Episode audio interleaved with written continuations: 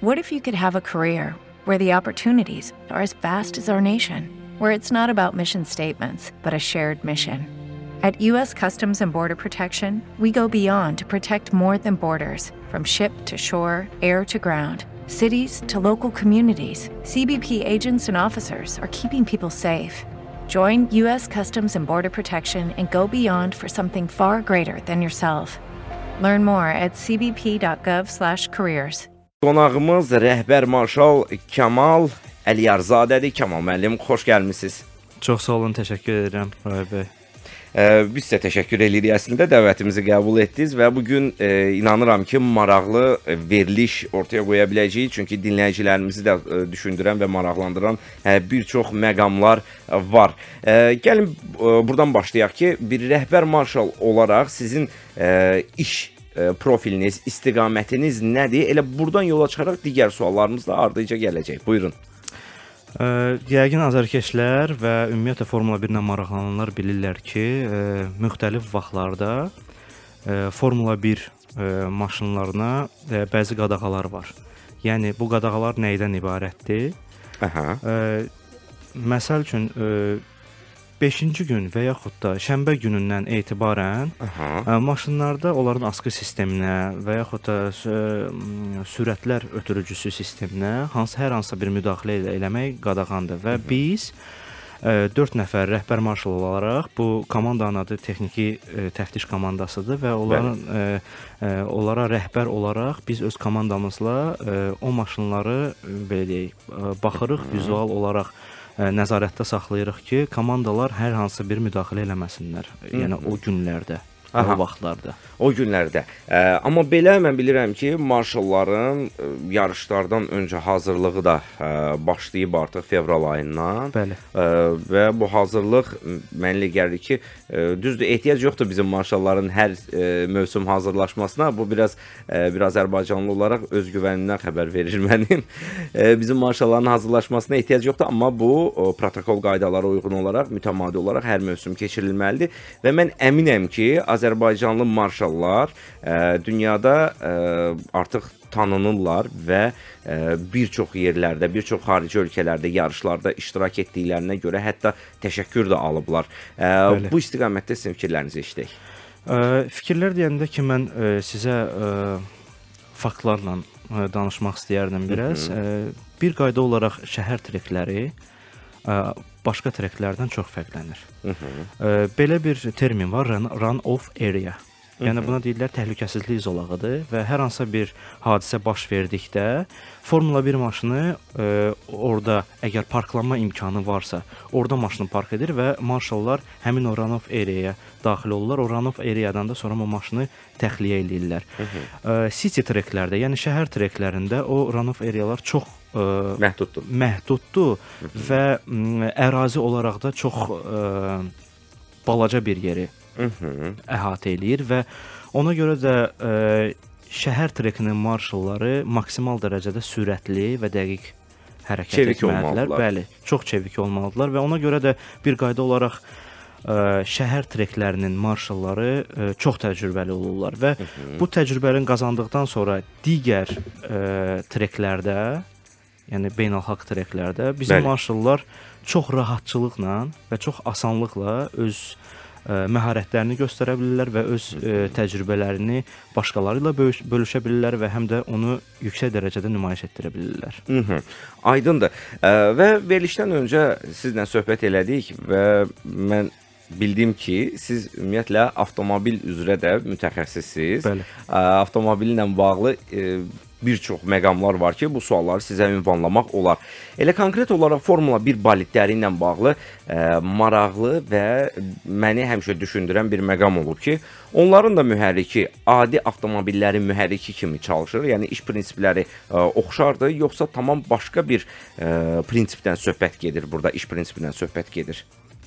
Ə, demək olar ki, avtomobilin yaranma tarixindən ə, bütün mühərriklər aydın məsələdir ki, daxili yanma mühərriki ilə təchiz olunur və Formula 1 də isti e, Formula 1 maşınları da istisna deyil. Bəli. Ə, sadəcə bəzi fərqlər var. Ə, orada ə, istilik generatoru var və ayrıca e, batareya var. Yəni akkumulyator da biz ona deyə bilərik. E, e, MGU-H yəni adı ilə e, deməli istilik generatorudur, MGU-K adı ilə akkumulyatordur. Sadəcə orada e, bəzi e, innovasiyalar var, hansı ki mühəndislər e, Formula 1 maşınında onu tə tətbiq eləyiblər və e, bir balaca bu mövzudan kənar danışsaq, ümumiyyətlə bütün texnoloji yeniliklər Bəli. ə, ə, sıradan avtomobillərə ə, Formula 1-dən gəlib. Ümumilikdə və ona görə də ə, bu tətbiq olunan yüksək ə, texnoloji ə, məqamlar hamısı yenidən tətbiq olunur ə, sıravi avtomobillərdə. Aha. Bəzi fərqlər olmaq şərti ilə demək olar ki, ə, Formula 1-də də daxili yanma mühərriki ilə maşın işə düşür. Aha, yəni eyni prinsipdən söhbət gedir Bəli. burada. İndi isə ə, müasir dövrümüzdə onların da mühərrikləri və yaxud da işləmə prinsipləri hibrid texnologiyalara əsaslanır. Tam doğrudur. Və bu da mənə elə gəlir ki, əlavə ə, avantaj deməkdir bu avtomobillər üçün, yoxsa yox? Tək burada ekologiyadan söhbət getmir. Çünki tək ekologiyanın qorunması üçün hibrid e, texnologiyaya keçid e, mənə elə gəlir ki, əgər bu Formula 1 yarışlarının həm sürət baxımından, həm e, o həyəcan baxımından müəyyən qədər xələl gətirsəydi, mənə elə gəlir ki, bu addım atmazdılar. Həm də bu texnologiya əlavə olaraq e, avantaj gətirdiyinə görə eləyiblər. Yoxsa yox? Ə, bilirsiniz, onu ə, artıq bu sualı buraxmaq lazımdır Aha. azarkeşlərin ə, ixtiyarına. Aha. Nəyə görə? Çünki azarkeşlər hal-hazırda 2 hissəyə bölünürlər. Ə, çox azarkeşlər səsin çox yüksək ol olmağını görmək istəyir, Bəli. eşitmək istəyir. Ə, V8, V10 və V12 ə, tipli mühərriklərin Formula 1-ə qayıtmağını istəyir. Digər azarkeşlər isə və ümumiyyətlə avtomobilistlər isə yeni te texnologiyanın tərəfindədirlər və minimum xərclərlə ə, maşının ekspluatasiyasını maksimuma çatdırmaq istəyirlər və ona görə də bu suala birmənalı cavab vermək Biraz çətin olar. Biraz çətin olar. Avtomobillərlə müqayisə eləsək disklərdən söhbət gedir o ə, düym məsələsi. Ə, ona görə mən daha çox əvvəlkiləri bəyənirəm. Siz necə? Ə, bilirsiniz necədir? Orda vizual olaraq ə, Formula 1 maşını biraz bizi allada da bilir. Nəyə görə? Çünki ə, ötən ilki eraya, ə, ə, yəni ötən eraya biz baxsaq, yəni hibrid erasından əvvəlki vaxtlara baxsaq, bizdə üzr istəyirəm. Buyurun. bizdə ə, deməli belə bir təsəvvür yarana bilər. O o vaxtki ə, Formula 1 maşınları qısa idi Bəli. və onlar çox aqressiv görsənirdi. Aha. Yastı və qısa. Bəli. Ə, indiki maşınların biraz ə, Həcmi ölçülərində böyüyüb. fərq var, uzunluğunda fərq var. Qabaritlər. Bəli, böyük. qabaritləri tam fərqlidir. Enində bir o qədər də fərq olmasa da, amma uzunluğunda mütləqdir ki, fərq var. Ona görə də vizual olaraq ə, əgər Formula 1 maşınlarını siz yaxından görməsəz, ə, Hə. biraz ə, anlamaq çətindir ki, bu nə dərəcədə olar. Bəli, ona görə onları yaxından görmək ə, yaxşı olardı. Əlbəttə ki, buna imkan varsa, Bu mövsüm imkanınız olacaq yəqin ki. inşallah, inşallah. Əla. Ə, Elə təkər məsələsinə mən əbəs yerə toxunmadım. Verilişimizin sponsoru Radius Avtomobil Təkər Mərkəzidir. Ə, Bütün avtomobil markalarına xitab edən müxtəlif siniflər üzrə avtomobil təkərlərinin pərakəndə satış və xidmət mərkəzidir. Yəni Radius Təkər Mərkəzinə getdikdə ə, siz bir müştəri olaraq istənilən növ təkəri, istənilən ölçüdə və istənilən brendə məxsus təkəri siz oradan əldə edə biləcəksiniz. Dünyanın ən müasir və texnoloji təkər mərkəzlərindən də biridir. Bu doğrudan da belədir. Ora getməyən ə, bunu biraz ə, ə, belə deyə qəbul etməyə bilər, amma təbii ki, avtomobil sahibisinizsə yolunuzu Radius Təkər Mərkəzindən salın və dediyimizin şahidi olacaqsınız. Ə, Təkər mərkəzlər şəbəkəsi olaraq düşünülmüş biznes konsepsiyası da Azərbaycanda avtomobil təkər mədəniyyətini yenidən formalaşdıran və beynəlxalq ambisiyalara sahib Azərbaycan brendidir. Ə, Doğrudan da belədir. Radius Təkər Mərkəzi artıq tanımayan yoxdur. Avtomobil sürən də, sürməyən də bilir ki, Radius ə, adı gələndə ə, artıq biz ə, riyaziyyatda hansısa bir radiusdan danışmırıq. Radius Təkər Mərkəzi ilk olaraq ə, hər kəsin ağlına gəlir və o cümlədən siz ə, Pirelli təkərlərini də məhz elə Radius Təkər Mərkəzindən də əldə eləyə bilərsiniz. Marşallarla bağlı bir məqama toxunaq. Bunu dinləyicilərimizdən də çox maraqlananlar var. Bizim verilişə qulaq asırlar və kənarda soruşurlar ki, qonaq olanda bir soruş, görək bir marşalın hazırlanması üçün görək nə qədər vaxt lazımdır, nə qədər dərslərə getməliyəm. Ümumiyyətlə bu proses necə tənzimlənir? Elə sualı elə dinləyicilərdən götürüb sizə ünvanlayıram. Buyurun. Deməli bir marşalın hazırlanmasına təxmini 3 ay vaxt sərf olunur. Üç ay. Bildiyiniz kimi fevral ayının əvvəlindən bizdə təlimlər başlayıbdı. Bu təlimlər 2 yerə bölünür. Nəzəri və praktiki təlimlər. İlk öncə nəzəri təlimlər keçirilir, daha sonra keçirilir praktiki təlimlərə və yarış həftəsinə qədər bu təlimlər həftənin hər şənbə bazar günü səhər saat 10-dan axşam saat ə, 4-ə kimi davam eləyir. Aha. Yəni, ə, bəs marşalları siz qəbul eləyəndə bu dərslərə hansısa parametrləri üstün tutursunuzmu, yoxsa elə kim istədi marşal olmaq deyirsiniz ki, buyurun gəlin dərslərə. Hə bu barədə də Necə maraqlı sualdır. Mən ə, həqiqətən də çox suallar yaranır ki, ümumiyyətlə kimlər marşal ola bilər? Hə. Ə, yaşı 21-dən yuxarı olan hər bir şəxs marşal ola bilər. Ə, parametrlər də orada necədir? Çeviklik lazımdır. Ailəli olar, Ali- yoxsa subay olmalıdır? Niyə olmur? Niyə olmur? Diskriminasiya yoxdur bizdə. Yəni bizdə hətta xanım marşallar da var. Aha. Adı aydın, aydın məsələdir. Heç bir ə, fərq qoyulmur. Subay da var, evli də var. Hətta ə, orada ə, evlənənlərin sayı da bizdə artmaqdadır. Hətta. Gəlirlər bir-birlərini tanıyırlar və ondan sonra ailə həyatı da qururlar. Artıq bizdə Əla. ə, bəlkə bir 10-a yaxın bu cür ailə artıq Bu da var. demoqrafik yüksəliş deməkdir. 100%. Maşallah. Maşallah deyirik. Əlbəttə kimsə əgər marşal olmaq istəyirsə, bu növbəti mövsüm üçün əlbəttə ki, müraciət eləyə bilər. Artıq gecdir bu mövsüm üçün müraciət etmək. Amma növbəti mövsüm üçün Bakı Qran Prisi bitəndən sonra mütləq şəkildə müraciət eləyən aidiyyatı üzrə ümumiyyətlə hara müraciət eləsinlər? Bunu da sual verim. Bizim rəsmi Facebook səhifəmiz var. Aha. Bakı Marshall klubudur. Ə, Sadəcə beynəlxalq biz müraciətlər aldığımıza gö- görə onun adı ə, beynəlxalqdır. Ə, Baku Marshalls Club. Ə, Bizim səhifəyə abunə ola bilərlər və ümumiyyətlə nə xəbərlər çıxır və ümumiyyətlə registrasiyanın vaxtı nə vaxtı, yəni qeydiyyatın vaxtı nə vaxtı, o haqqda informasiya ala bilərlər.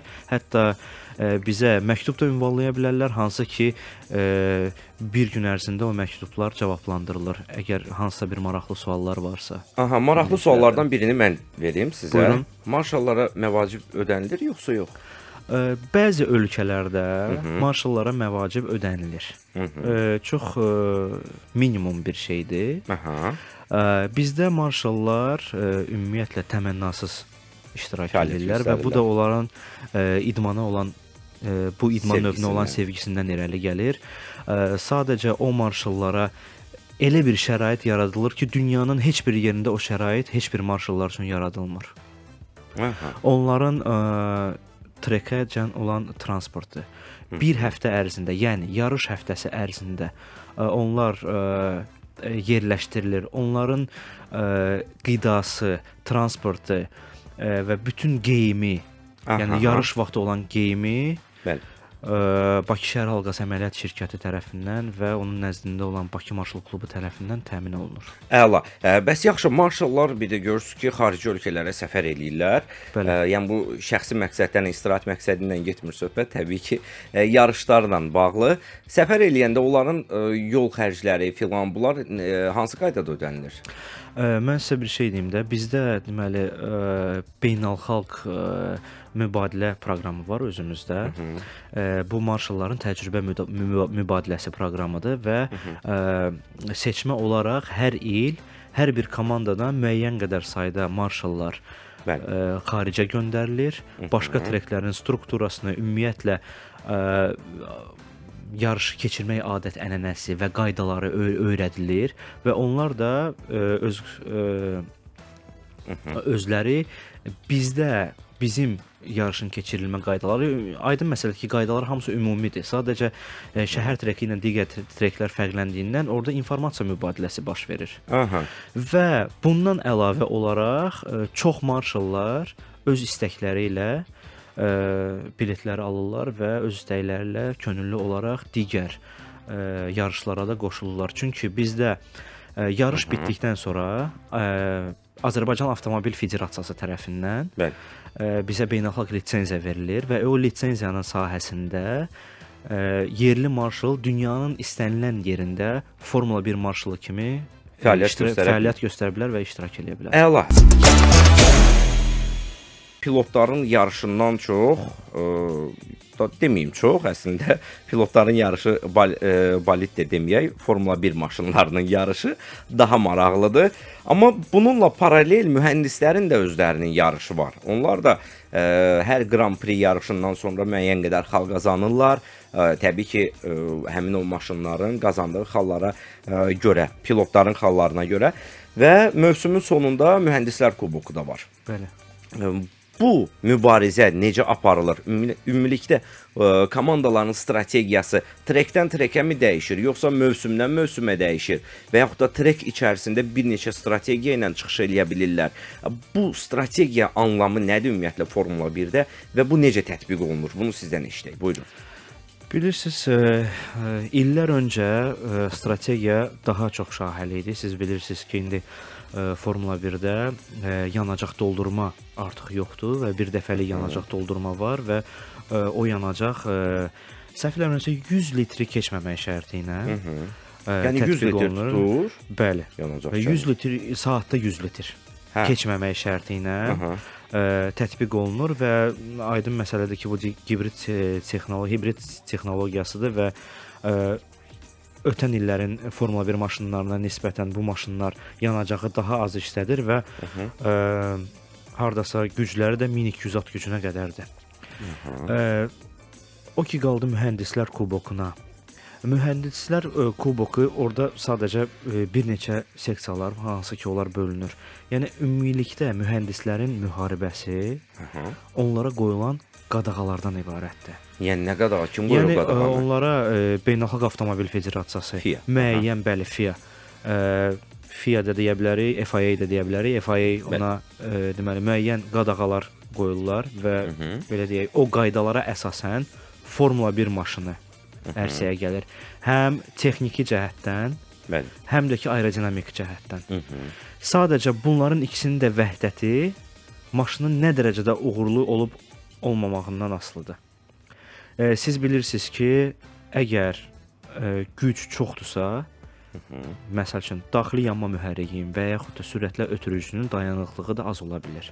Əgər onun dayanıqlığını daha çox eləsələr, məcburdular e, F1 maşınının gücünü ümumilikdə azaltmağa. Aha. Ona görə də hər bir trekdə hava şəraitindən asılı olaraq, hətta asfalt örtüyündən asılı olaraq Bəli. ə, mühəndislər strategiyanı qururlar. Hər bir komandanın ə, öz strategiyası var və onlar demək olar ki, 80% hallarda bir-birlərinə oxşayırlar. Amma bəzi komandalar hansısa bir riskə gedə bilər, Aha. strategiyanı fərqli eləyə bilər və bu strategiya ə, fiaskoya uğraya bilər ya da ki, tam hansısa amillərdən asılı olaraq, məsəl üçün ə, safety car-dan asılı olaraq, hansısa bir ə, trekdə baş vermiş qəzadan asılı olaraq Mhm. həmin qurduqları strategiya işləyə bilər və onlar ön sıralarda ala bilərlər. Aha, aydındır. Ə, və mən düşünürəm ki, Bakı trekində, Bakı halqasında mühəndislər üçün və yaxud da komandalar üçün strategiya qurmağa ə, daha çox şanslar var. Çünki burada həm manevrlər var, döngələr çoxdur, həm də düzünə sürət yığmaq üçün də Neftçilər prospekti ilə kifayət qədər Bəli. məsafədir ki, ə, yadımda deyil bir neçə mövsüm öncə 320 neçə kilometr idi səhv eləmirəmsə saatda sürətlə hansısa pilot hərəkətdə idi və bu ə, sensasiyaya səbəb olmuşdu ki, ə, Bakı ə, trekində bu qədər sürət yığa bildi filan pilot. Ə, Bu doğrudan da ə, möhtəşəm göstəricilərdən biridir ki, Bakıda ə, bir növ ə, Monaco Monakonun da qarışığı var burada. Təxminən Qoşaqalı qapısının yanında. Ə, Orada bənzəyir. Ə, Bakıda bu mövsüm mənə elə gəlir ki, biraz ə, belə deyək, ə, fikir mübadiləsi də aparaq bu komandalarla bağlı. Red Bull öndədir. Mercedes-lə Ferrari də çatmaq istəyirlər ona, hələ ki çata bilmirlər. Bəli. Ə, ondan onu izləməkdə davam eləyirlər. Bakıda Mercedes və Ferrari-dən söhbət eləyiriksə, onlar hansı strategiyanı seçsələr, siz necə düşünürsüz? Daha üstün nəticələr əldə edə bilərlər, maksimum dərəcədə yaxınlaşa bilərlər Red Bulla.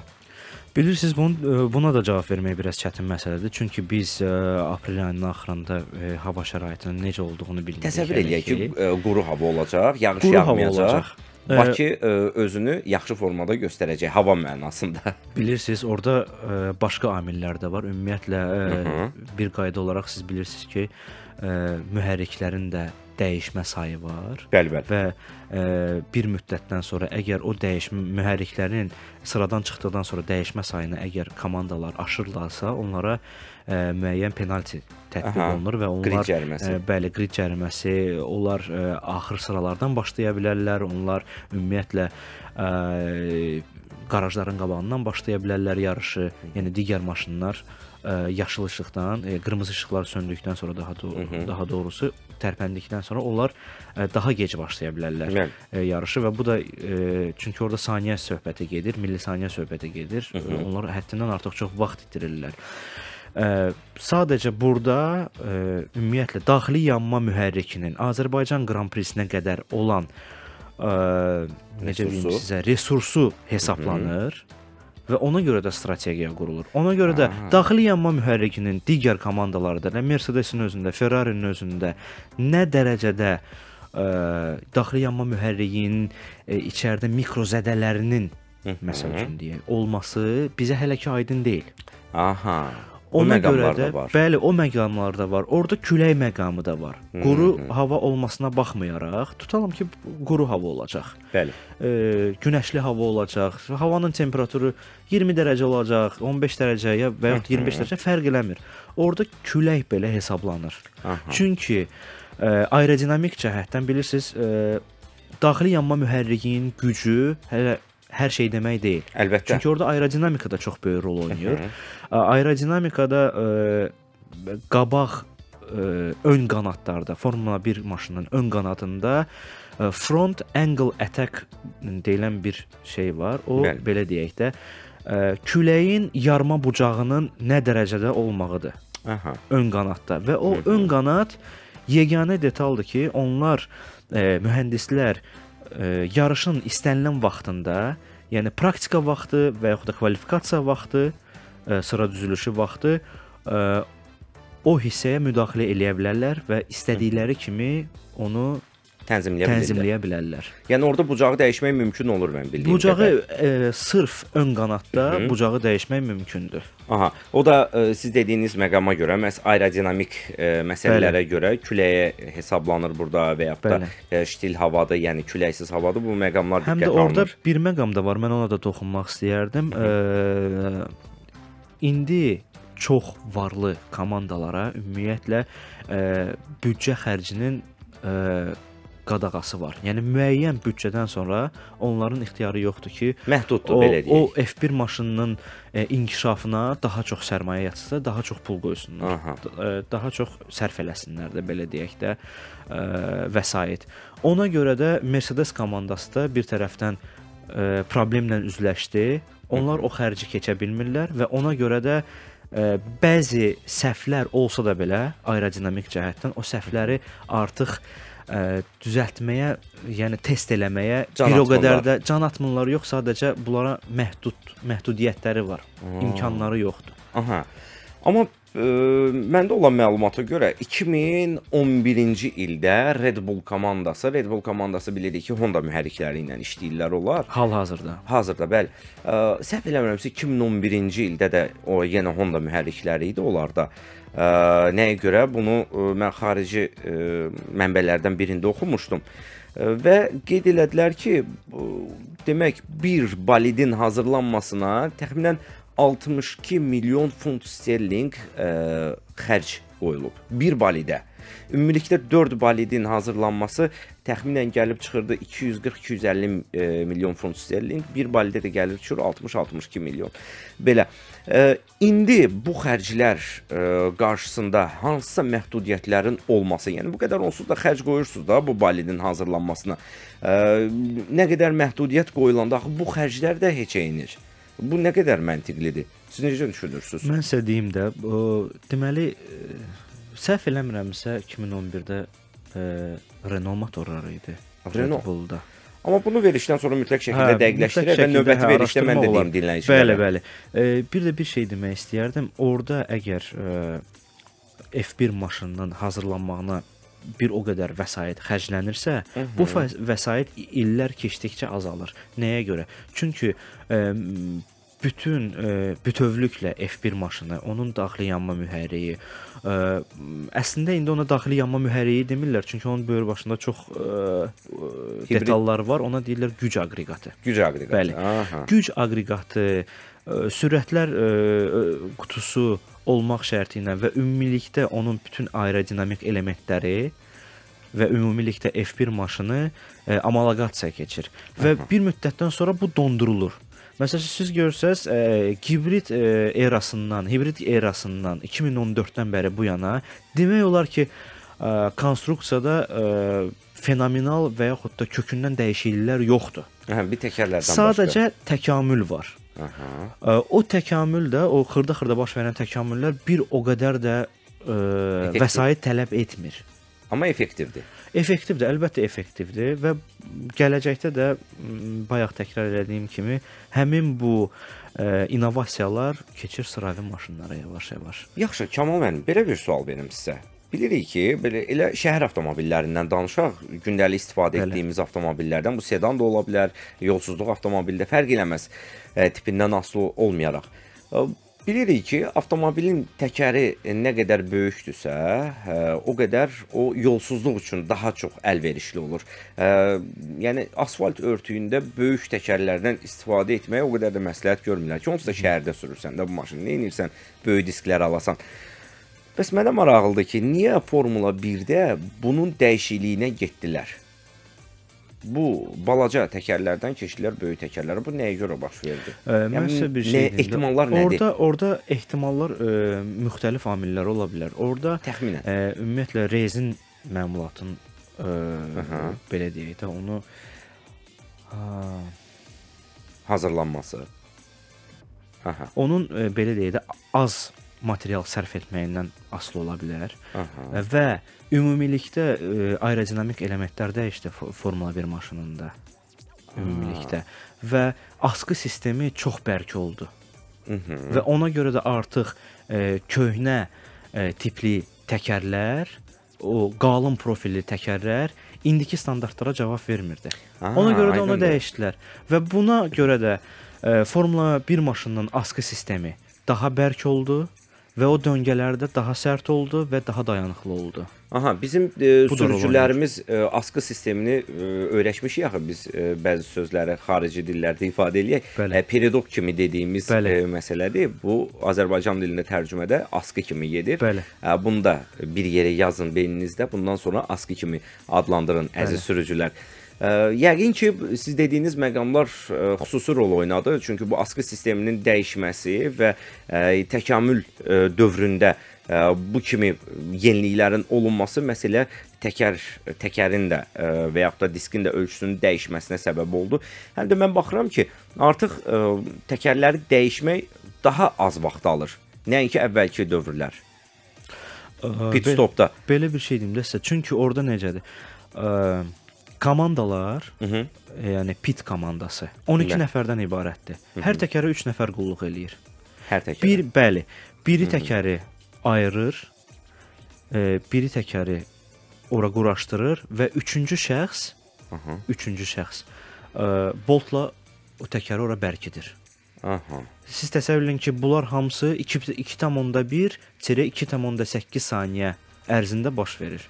Yəni mən istərdim ki, həm də dinləyicilərimiz də bilsinlər ki, ümumiyyətlə e, Formula 1 maşını pit stopa daxil olanda onun e, təkər dəyişiminə 12 nəfər qulluq eləyir. Komandanın 12 nəfəri. Yəni 4 təkər 3 nəfərdən 12 nəfər eləyir. Bəli. Bəli. Orada neçə bolt var ki? 1. Bir bolt var. Bəli. Ona görə də asan şəkildə onu bərkidə bilir. Hə, aydındır. Yoxsa Bizim avtomobillərdəki kimi 4, 5, 6 Gəl bunları bir-bir bərkit də. E, Və rekordu da e, Red Bull komandası qırıb 1.82 saniyəyə e, bir dəfə olub bu. E, Ondan sonra hələ ki bu rekordu təzələyən yoxdur. Siz dediyiniz kimi maksimal müddət 3 saniyəyə qədər olur. Mən özüm də saymışam pit stopda olan ə, Formula 1 maşını yaxınlaşır və ona texniki qulluq göstərilir. 3 deyən kimi artıq bu tərpənir yerindən. Bəli. Doğrudan da orada ə, dəhşətli dərəcədə enerji lazımdır həmin o ə, pitdə işləyən ə, komandanın əməkdaşlarına və həmin təkərlər də ə, xüsusi ə, çuxolların da içində saxlanılır, saxlanıc yerində saxlanılır ə, xüsusi temperaturda. Və bununla bağlı da biz ötən verilişlərdə məlumat vermişik. Kamal müəllim, ə, sizə təşəkkürümü bildirirəm dəvətimizi qəbul etdiyiniz üçün. Minnətdaram. Mənə elə gəlir ki, maraqlı ə, söhbət alındı, maraqlı veriliş təşkil edə bildik. Sadəcə vaxtımız o qədər də çox olmadığına görə biz ə, burada yekunlaşdırmaq məcburiyyətindəyik. Son olaraq ə, Formula 1 azarkeşlərinə, Bakı Qran Prisi ilə bağlı və yaxud da ümumilikdə formula ilə bağlı demək istədikləriniz varsa buyurun.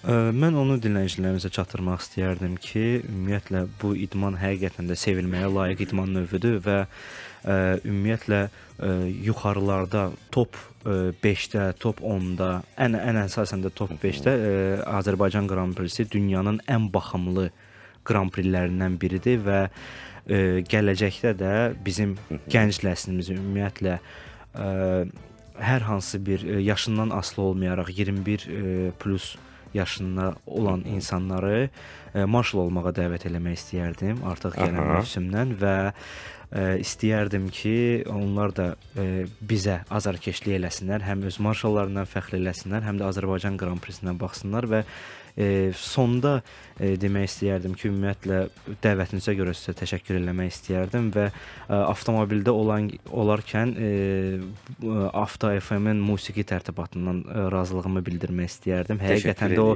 gənc ə, dövrlərə ə, Aha. mənə qaytarır və bir cavanlığımı yadıma salır. Ə, Ona görə də sizə təşəkkürümü bildirmək Biz də sizə istəyirəm. təşəkkürümüzü bildiririk.